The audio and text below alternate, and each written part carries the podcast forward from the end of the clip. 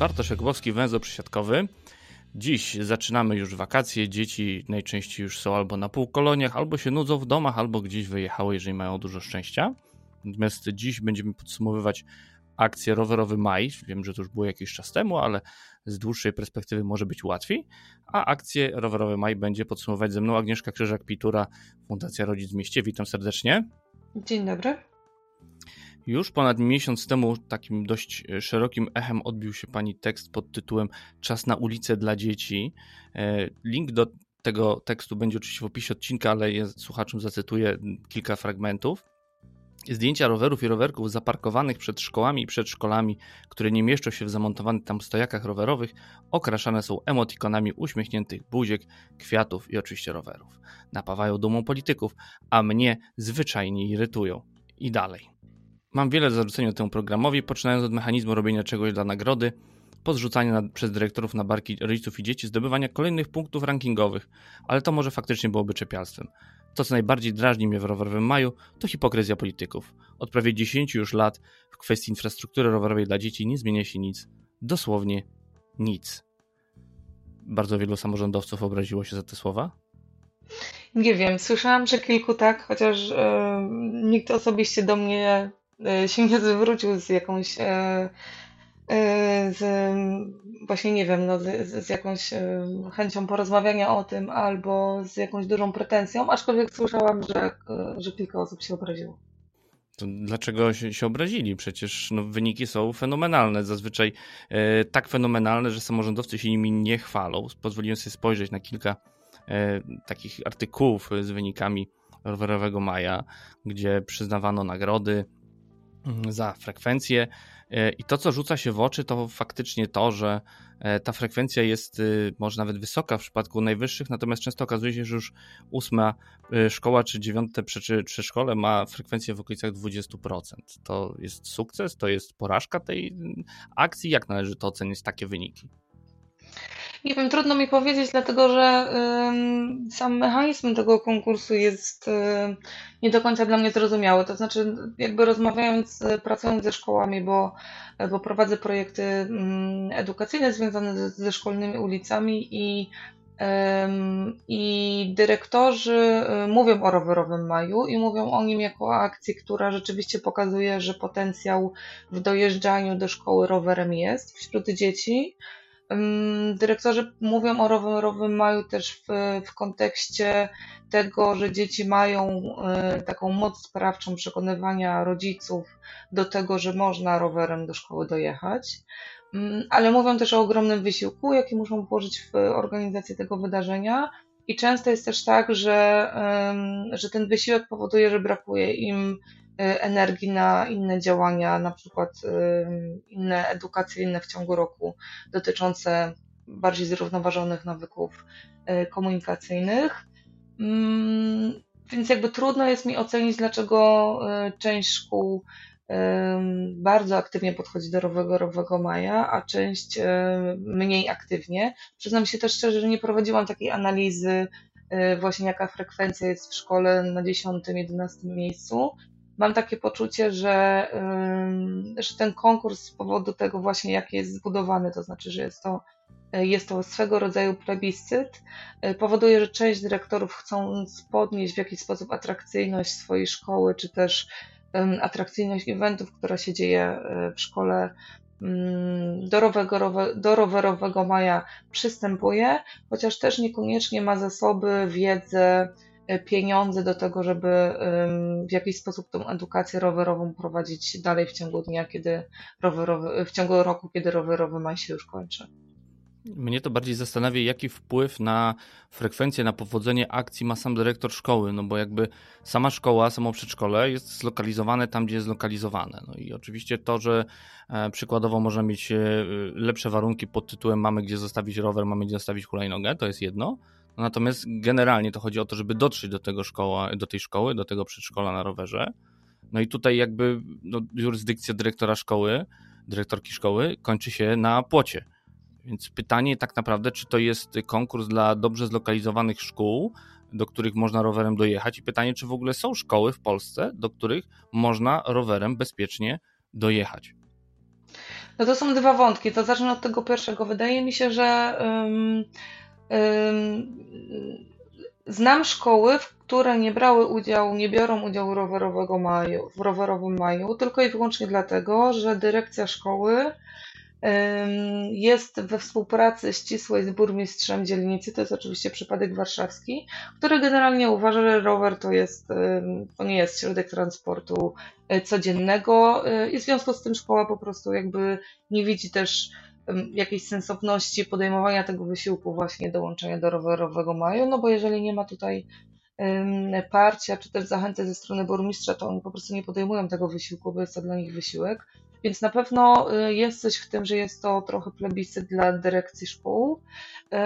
I e, z tego, co jakby rozmawiam z rodzicami i wiem, w jaki sposób rowerowy maj wśród, wśród rodziców jest też promowany i y, jak są zachęcani, no to ewidentnie jest tutaj nastawienie na zdobycie tego wyniku i niekoniecznie to musi być ranking dla szkół dobrze położonych y, z infrastrukturą dojazdową, no bo znane są przypadki tego, że rodzice nadal dojeżdżają samochodem, a wyciągają ten rower z bagażnika po to, żeby dziecko y, do tej szkoły y, tym rowerem dotarło. Oczywiście nikt tu nie, nie badał, więc trudno jest stwierdzić, na ile to są przypadki anegdotyczne, y, no ale jeżeli o, się, o nich się mówi jakoś szerzej, to znaczy, jeżeli na przykład one do mnie docierają, nie jako rodzica, ale na przykład jako właśnie warsztatowca dla szkół, to myślę, że one się pojawiają.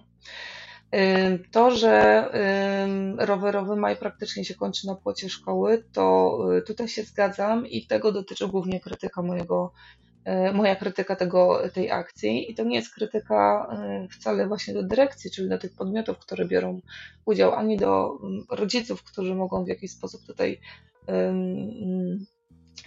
wykazywać się lekką hipokryzją, właśnie wyciągając ten rower z bagażnika samochodu, ale do polityków, bo mam takie poczucie, a właściwie nawet przekonanie potwierdzone nie tylko moimi obserwacjami, ale też właśnie rozmowami ze szkołami, ale też również tym, co, co mówią samorządy, jeśli chodzi o rowerowy maj i w ogóle infrastrukturę rowerową, to jest to, że no, z tej akcji nie wynika nic, poza tym, że wiemy, że jest potencjał e, wśród społeczności szkolnych do tego, żeby docierały e, one rowerami do szkoły i wiemy, że są zbyt małe, że, są, że potrzeby związane nawet z taką małą infrastrukturą jak stojaki rowerowe są zdecydowanie zbyt e, są za duże, przekraczają możliwości zarówno szkół, jak i to, w jaki sposób samorządy wspierają szko szkoły, nawet w tej małej infrastrukturze, nie mówiąc już właśnie o podejściu systemowym do tego, żeby infrastrukturę rowerową kształtować w taki sposób, żeby położyć priorytet na dojazdach do szkoły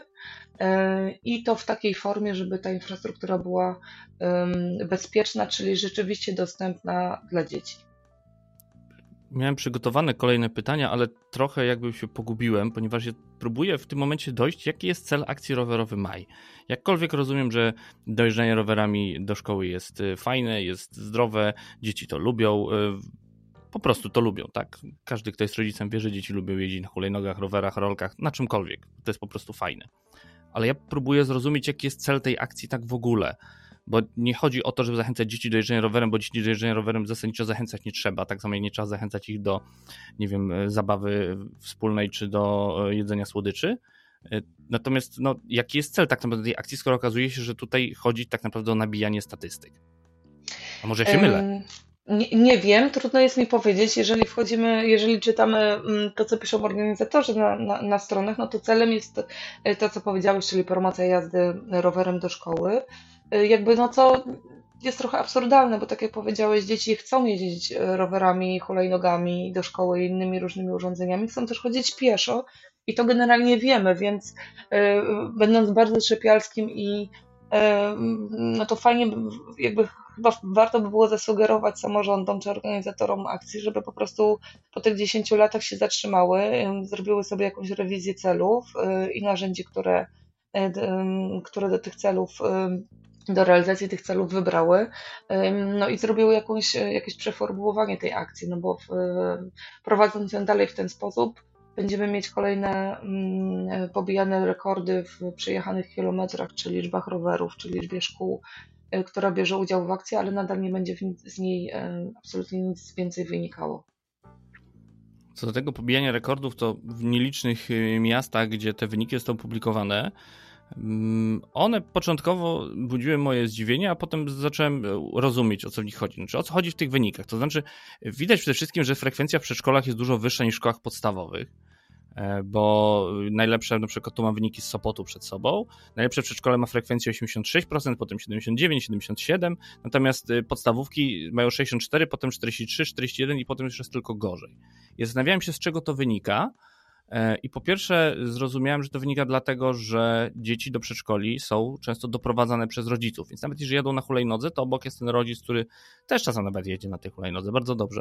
Czasem idzie pieszo, e, już nie będę, już nie będzie wnikać w ten temat y, dowożenia samochodem i podbijania statystyk na ostatnich metrach, ale potem tarło do mnie, że najlepsze klasy w Sopocie to są pierwsza, druga i trzecia. We wszystkich praktycznie szkołach, dopiero gdzieś tam na końcu, na tych szkołach, które mają niskie wyniki, pojawia się klasa czwarta. I dotarło do mnie to, że to oznacza dokładnie tyle, że dzieci jeżdżą na rowerach do szkoły, dopóki ktoś się do tej szkoły odprowadza. Potem, kiedy one już zaczynają chodzić do tej szkoły same, nie daj Boże kończą 10 lat, czyli zgodnie z polskim prawem nie mogą już jeździć rowerami po chodniku, no to już tymi rowerami nie jeżdżą. Czyli czy moja teza jest uprawniona? Może zapytam tak, czy to jest moja jednostkowa obserwacja, czy tak faktycznie jest, że ten rower jest fajny, dopóki ma kto nadzorować bezpieczny dojazd dziecka do szkoły i do przedszkola. Tak, y, do tego dołożyłabym jeszcze to, że rodzice dzieci młodszych, to znaczy przedszkolnych i początkowej podstawówki, to są jeszcze ci rodzice, którzy w jakiś sposób są zaangażowani, może nawet nie tyle w życie szkoły, co życie szkolne dziecka, czy przedszkolne dziecka, więc oni są w stanie dołożyć ten wysiłek, kiedy jest taka akcja jak rowerowy maj, żeby ten, ten rower, żeby przypilnować po prostu, żeby to dziecko tym rowerem dotarło, czy nawet właśnie w tym czasie towarzyszyć dziecku w drodze do szkoły rowerem, aczkolwiek wydaje mi się, że ten procent rodziców, którzy wyciągają rower z bagażnika w, w przypadku przedszkoli, nie jest taki mały, e, dlatego że z naszej e, pracy i rozmowy z rodzicami, ze szkołami wynika, że grupą, która najczęściej dowozi dzieci samochodem, spoza rodziców, którzy mieszkają naprawdę w takiej bardzo bliskiej odległości do szkoły, że jest to, jest to spacer i to nawet nie 15-minutowy, a bardziej 5, 7, 10, to są właśnie rodzice dzieci najmłodszych, to znaczy przedszkolaków tej podstawowej, podsta początkowej podstawówki. I, y, I myślę, że, mm, że oni mogą tą statystykę rowerowego mają bardzo y, nabijać z tego powodu właśnie, że po prostu biorą aktywny udział w akcji, którą mm, organizuje szkoła.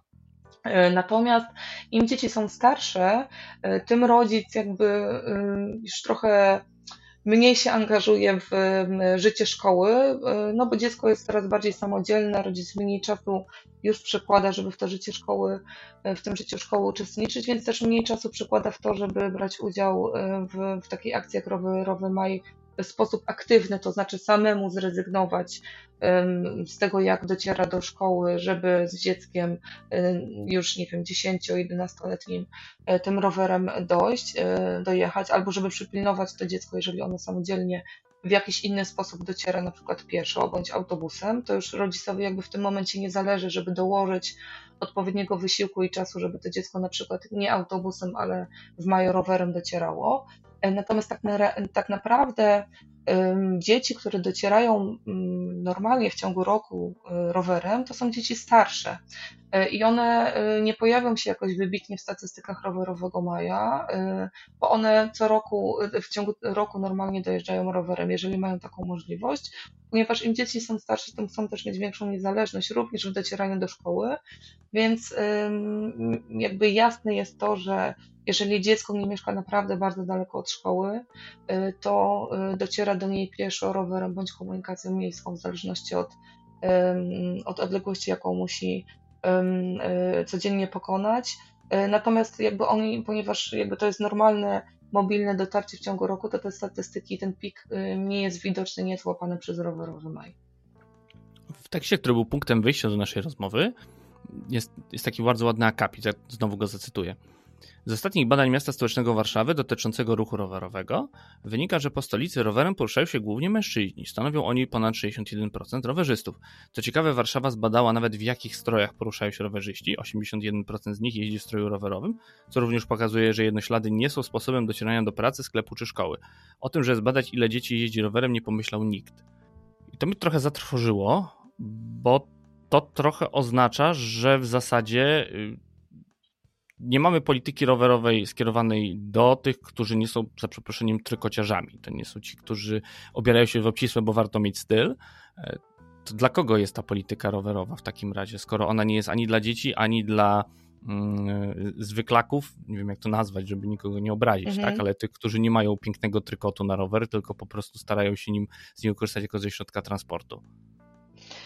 Tak, ja myślę, że jakby, nie wiem, to znaczy im e, ja dłużej pracuję z samorządem warszawskim e, w, w tych obszarach mobilności, to ja mam takie poczucie, że, że tam nie ma strategii, jeśli chodzi o, o rowery. E, I ona wynika trochę z zagubienia, a właściwie to powiedziałabym na odwrót, że ponieważ nie ma strategii, to miasto trochę się gubi. I z jednej strony to rozumiem, bo y, przez ostatnie lata Warszawa ulegała mocnemu naciskowi grup rowerowych do tego, żeby te drogi tworzyć, y, co jest słuszne i te drogi powstają. One powstają, Warszawa się tym chwali i trochę odbija te nasze argumenty, nasze mówię, mówiąc nasze, mam tutaj na myśli Fundację Rodzic w Mieście, bo my, my chcielibyśmy właśnie, jakby próbujemy rozmawiać z Warszawą o tym, że nie wystarczy tworzyć drogi rowerowe i je wytyczać, ale trzeba to też robić jakościowo, tak żeby one służyły wszystkim grupom, właśnie szczególnie tym z największym potencjałem. Mm, badania, które analizujemy y, miast zachodnich, głównie skandynawskich, y, oczywiście, pokazują, że ten największy potencjał tkwi właśnie w kobietach i w dzieciach, ponieważ z powodu tego, w jaki sposób kobiety poruszają się po mieście i też biorąc pod uwagę, jakiego rodzaju y, środkiem transportu jest rower, to znaczy tanim, dostępnym, bardzo mobilnym, to znaczy można go zaparkować wszędzie, można go zostawić na dłużej, na krócej, można do niego właśnie doczepić i e, siodełko dla dziecka, i przyczepkę rowerową, może to być rower cargo, to znaczy rower daje kobietom naprawdę dużo możliwości, mm, biorąc pod uwagę to, w jaki sposób się kobiety poruszają, to znaczy nie z punktu A do punktu B, tak jak mężczyźni, to znaczy z, z domu do pracy i z powrotem, tylko mają tych przystanków bardzo dużo, również związanych właśnie z, z odprowadzaniem dziećmi, ale, dzieci, ale też z zakupami, różnymi aktywnościami z dziećmi e, po pracy, po szkole. E, no to ta infrastruktura powinna być tworzona przede wszystkim pod te grupy. E, bardzo dużą grupą z potencjałem są też seniorzy, którzy mogliby się prze, przesiąść na rowery, e, nawet jeżeli nie na rowery tradycyjne, to pewnie na rowery elektryczne bądź inne formy wspomaganych pojazdów, gdyby ta infrastruktura, infrastruktura była bezpieczna. Mówiąc bezpieczna, mam na myśli zarówno jakby ciągła, to znaczy bez tak powszechnie nazywanych teleportów, to znaczy taka, żeby rzeczywiście wsiadając na rower można było nim dojechać tam, gdzie chcemy, e, ale też e, przede wszystkim bezpiecznie od, e, odgrodzono od ruchu zarówno samochodowego, jak i pieszego.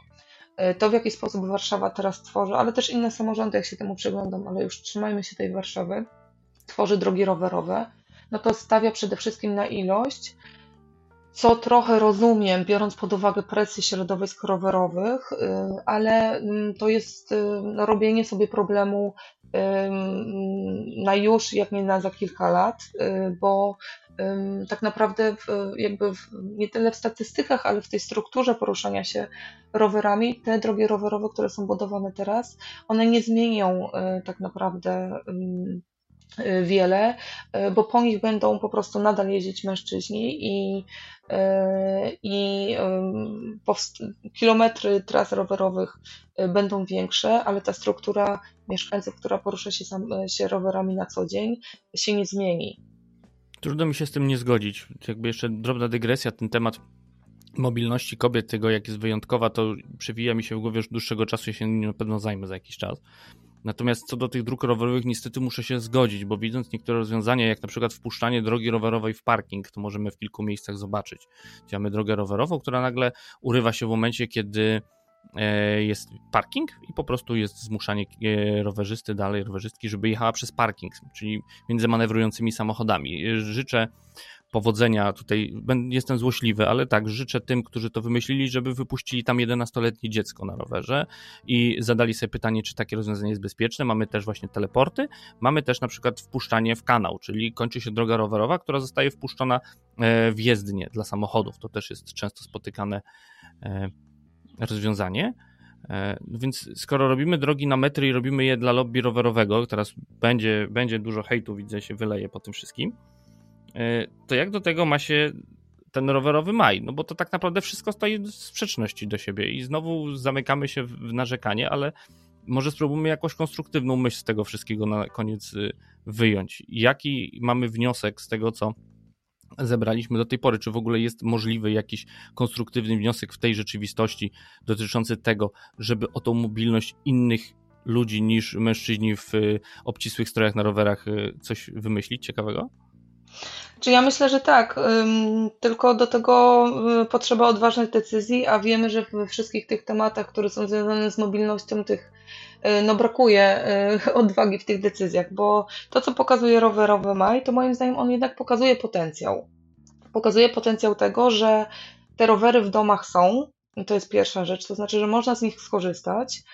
Pokazuje to, że przy odpowiedniej zachęcie, spora część rodziców, zwłaszcza tych młodszych dzieci, czyli tych, które, e, którzy tak naprawdę generują e, problem dojazdu samochodem do szkół, E, jest w stanie zmienić e, to, w jaki sposób docierają z dziećmi do szkoły. Pewnie też ci rodzice przez rowerowy, rowerowy maj widzą, że, e, że ten dojazd rowerem jest fajny. Jest fajny dla dzieci. Pewnie przy odpowiedniej edukacji mogliby też zobaczyć, że jest wartościowy, że płyną z niego konkretne korzyści zdrowotne, rozwojowe dla dzieci. Pewnie przy odpowiedniej edukacji mogliby też zobaczyć w tym korzyści dla siebie i wartości płynące z relacji rodzic-dziecko w takiej drodze rowerowej, bo one również są.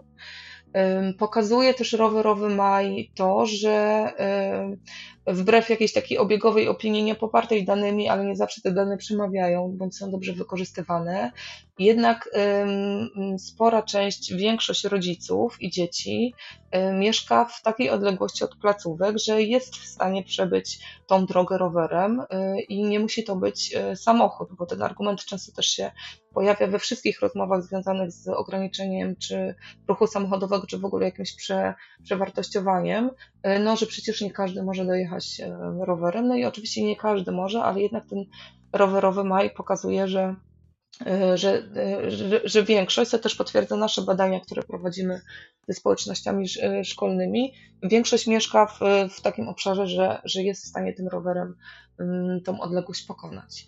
I władze mogłyby spokojnie ten, ten rowerowy maj, to co on pokazuje, wykorzystywać do tego, żeby mieć mandat y, do tworzenia właśnie bezpiecznej infrastruktury rowerowej, bądź w ogóle y, przebudowy tego, w jaki sposób infrastruktura bezpośrednio przy szkole drogowa wygląda i żeby wyjść od tego do zmiany i na przykład rozpoczęcia rozmów, to o czym my rozmawiamy, rozpoczęcia rozmów o programie szkolnych ulic dla Warszawy, który nie musi być programem zamknięcia ruchu samochodowego przed każdą placówką, ale może być programem, e, który przede wszystkim stawia priorytet na bezpieczeństwo dojazdu dzieci do szkoły, przez co też zmienia to, w jaki sposób szkoły wyglądają, ulice przed szkołami wyglądają, ale też zmienia, pozwala myśleć o um, infrastrukturze dojazdowej szerzej, to znaczy nie tylko przy tej, o tej ulicy szkolnej, która jest przy, przy placówce, ale też szerzej ulicach dojazdowych, co też jest potrzebą rodziców, która E, pojawia się mm, na warsztatach, które my prowadzimy e, dotyczących e, szkolnych ulic, że rozmawia, wychodzimy właśnie od ulicy przed szkołą i bezpośrednio otoczenia, bezpośredniego otoczenia szkoły, ale bardzo szybko przechodzimy do tego, że tak fajnie, ale trzeba też pomyśleć o, o tym, jak wyglądają ulicy, skrzyżowania, drogi rowerowe, którymi dzieci dojeżdżają do szkoły. Więc konstruktywnie myślę, że fajnie by było po tym potencjale, który przez dekady mieliśmy, pewnie mieliśmy możliwość oglądać, ale też pewnie, który został zbudowany, bo, bo to nie jest tak, że rowerowy maj nie podnosi tej świadomości. Myślę, że on podnosi tę świadomość, że, że rower można wykorzystywać jako e, środek codziennego transportu do szkoły, ale fajnie by było, żeby teraz właśnie zrobić tę stop, stopklatkę i przełożyć to, te wszystkie miękkie rzeczy, które zobaczyliśmy w rowerowym maju y, i wyjść z takiej rozmowy, y, no to fajnie by było, żeby ci rodzice po maju nadal jeździli rowerami y, z dziećmi do szkoły i przełożyć to na konkretne działania, to znaczy strategie, decyzje i właśnie infrastrukturę, mm, która jest bezpieczna dla y, dzieci i dla kobiet, no bo przez, y, tak jak, tak jak wspomniałeś, jeśli chodzi o te młodsze dzieci przedszkolne i początkową podstawówkę, najczęściej tam jeszcze towarzyszy rodzic i najczęściej tam jest, to, tym rodzicem jest kobieta. To jeszcze bym sobie dożyczył, że tym rodzicem był też ojciec. Też bym chciała. Myślę, że jest potencjał, gdyby, y, gdyby skumulować te, dwa, te dwie statystyki, że to mężczyźni jeżdżą rowerami, to być może gdyby ta infrastruktura była była taka, to, to e, że, że, że z dzieckiem można bezpiecznie dotrzeć do szkoły, to kto wie, być może część e, panów, którzy rano jeżdżą rowerami do pracy, mogłoby zrobić najpierw przystanek w przedszkolu czy w szkole. I wychodzi, że znowu rower to zabawka dla dzieci i ojców, tak jak kloski Lego. Nie wiem, czy tak jest, ale na pewno ten potencjał jest i y, jest też potencjał w ojcach, to znaczy y, szczególnie w dużych ośrodkach widać, że, że, że, że ojcowie się coraz częściej też angażują. Oczywiście naj, najczęściej w weekendy, czyli wtedy, kiedy mają czas, ale być może e, tego jeszcze nikt nie zbadał, ale być może przy odpowiedniej e, infrastrukturze, która pozwala spędzać czas z dzieckiem też tak, jak lubią panowie, bo ja też rozumiem to, że nie każdy ojciec może lubić chodzić na plac zabaw, tak samo jak nie każda mama. Ja na przykład jestem taką mamą, która nie wybiera placów zabaw jako pierwszej destynacji z dziećmi, yy, więc być może odpowiednia infrastruktura miejska yy, pozwalająca właśnie spędzać z dzieckiem czas tak, jak lubi, lubi ojciec, też zmieniłaby te statystyki zaangażowania, kto wie. Wydaje mi się, że ojców słuchaczy y, węzła przysiadkowego nie trzeba namawiać do jazdy rowerem, bo praktycznie wszyscy albo jeżdżą, albo przynajmniej nie jeżdżą samochodem i na pewno są ojcami aktywnymi. Tak znam was, przynajmniej większość z was, więc y, e, myślę, nie trzeba ich namawiać. Dajcie znać w takim razie swoim znajomym, którzy tak nie robią, którzy nie jeżdżą rowerami z dziećmi do szkoły. E, podajcie dalej, jak to się mówi, dajcie suba, dajcie łapkę w górę, jakkolwiek to youtuberzy mówią. A ja na dziś już bardzo dziękuję. Mm, Agnieszka Krzyżak-Pitura, Fundacja Rodzic w Mieście. Polecam zapoznać się z tym, czym fundacja się zajmuje, e, co robi na co dzień. Bardzo dziękuję za tę rozmowę. Dziękuję.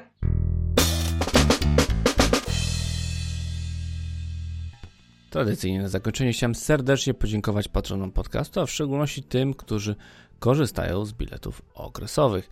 Są to Paweł Szczur, Tomasz Tarasiuk, Andrzej Kaszpil, Kaźmierowski, Monika Stankiewicz, Petr Jancowicz, Michał Cichosz, Łukasz Filipczak, Jacek Szczepaniak, Jurek Gozdek, Piotr Chwalski, Grzegorz Kenik, Jakub Burdziński, Paulina Matysiak, Empi, Jakub Kundzik, Rafał Pierzchała, Piotr Gramacki, Hubert Peliński, Piotr Krasiński, Adam Zając, gratuluję doktoratu, KMZ, Jacek Piotr Cegiełka, Mariusz Herhold, Paweł Jaworski, Marcin Moskal, Magdalena Jachemczyk, Piotr Kamiński, Patryk N., Jakub Klimkiewicz, Maciej Iwanowski, Jakub Nowotarski, Marek Kijewski i Marcin Włodarski. Przy okazji y, proszę jeszcze o trochę cierpliwości w temacie y, tematów, które mi y, podrzuciliście, zaproponowaliście. Zbieram materiały, przygotowuję się do nich. Na pewno prędzej czy później się pojawią. Na dziś to wszystko. Do usłyszenia.